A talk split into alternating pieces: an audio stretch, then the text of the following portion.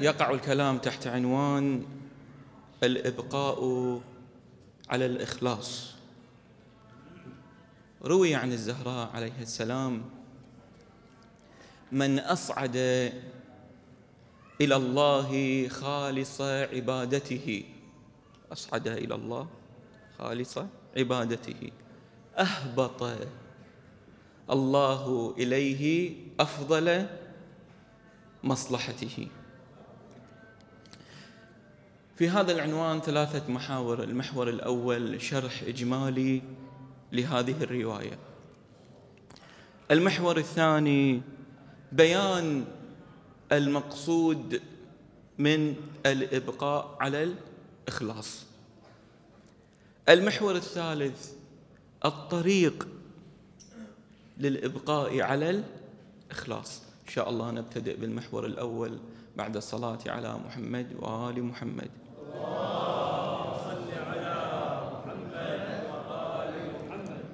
الرواية عبارة عن شقين.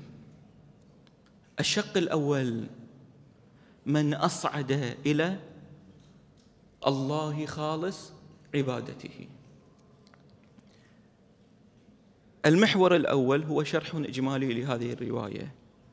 وفي البداية سوف نشرح الشق الأول من أصعد إلى الله خالص عبادته. ما المقصود أولا من الصعود في الرواية؟ المقصود هنا بالصعود إخواني أي قبول العمل.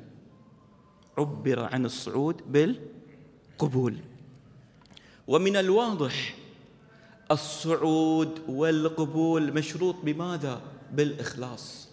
لا يصعد العمل إلا بالإخلاص. الأمر الثاني ما المقصود خالص عبادته؟ يقولون العلماء أي تصفية العبادة عن شائبة سوى الله. أي العمل فقط والعبادة فقط لله عز وجل. روي عن أبي عبد الله عليه السلام يقول اجعلوا أمركم لله. ولا تجعلوه للناس. فإنه ما فإنه ما كان لله فهو لله. وما كان للناس فلا يصعد. فالعمل الذي يصعد لله مشروط أن يكون بإخلاص لله عز وجل وإلا العمل لا يصعد. ثانيا الشق الثاني من الرواية. أهبط الله إليه أفضل مصلحته. نذكر رواية تبين بعض المنح الإلهية والعطاءات الإلهية لمن أخلص لله عز وجل. وكيف الله عز وجل يهبط وينزل هذه العطاءات وهذه المنح وهذه المصالح على المخلص؟ روي عن أبي جعفر عليه السلام. قال ما أخلص عبد الإيمان بالله أربعين يوما. أو تردد من الراوي. أو قال ما أخلص عبد ذكر الله عز وجل أربعين يوما. إلا تخلص هناك عطاءات هناك منح إلا زهده الله عز وجل في الدنيا. أول عطاء الزهد. الثاني وبصره داءها ودواءها. الثالث وأثبت الحكمه في قلبه. الرابع وأنطق بها لسانه.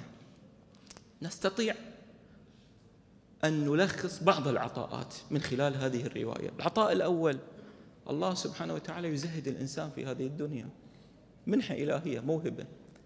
الأمر الثاني الله سبحانه وتعالى يبصر العبد. بماذا يبصر العبد؟ بالأمراض الناشئة من التعلق بالدنيا.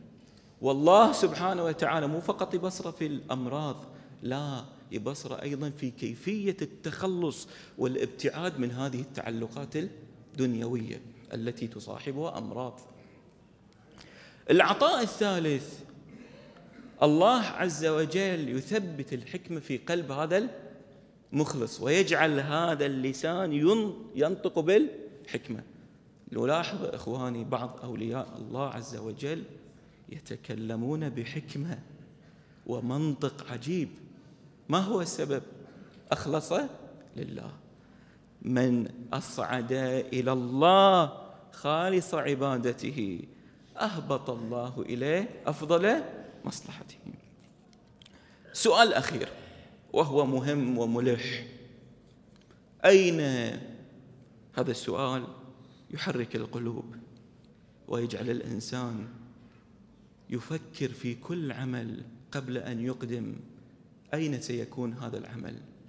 وما هي نية هذا العمل؟ وما هي غاية هذا العمل؟ أرجو الانتباه على هذا السؤال. سؤال أخير في هذا المحور الأول. أين ستكون الأعمال غير المقبولة أي غير الصاعدة؟ التي تكون غايتها ماذا غير الله عز وجل؟ الجواب قرأت لأحد, لأحد من العلماء. يقول تكون في سجين وهو ديوان الفجار. تكون أين؟ في سجين وهو ديوان الفجار. واستفاد هذا العالم الجليل هذا الجواب من هذه الرواية.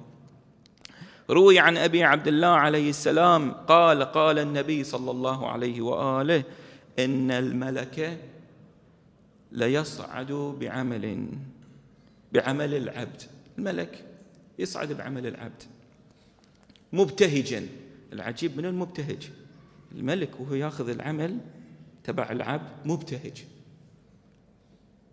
فإذا صعد بحسناته حسنات من؟ العبد. الملك يعتقد أن هذا العبد محسن لأن الرياء دقيق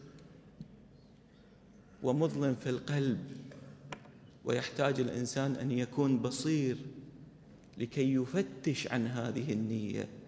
هل لله أم للنفس أم للطموحات أم للرئاسة أم للسمعة أم للقيادة.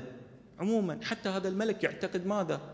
إن هذا العبد عمل عمل صالح وله حسنات. يصعد بهذا العمل. يقول الله عز وجل اجعلوه أي اجعلوا هذا العمل في سجين. لما؟ إنه ليس إياي أراد. حتى الملك لم يطلع على تفاصيل هذا العمل ولكن الله عز وجل جعل هذا العمل أين؟ في سجين وهو ديوان الفجار. الإمام الخميني قدس سره. اللهم صل على يعلق على هذه الرواية وأنا أرجو الانتباه على هذا التعليق. أنا وأنت يقول الإمام. أنا وأنت في هذا الحال. لا نستطيع أن نتصور سجين ولا أن نفهم ديوان عمل الفجار ولا أن نرى صور هذه الأعمال.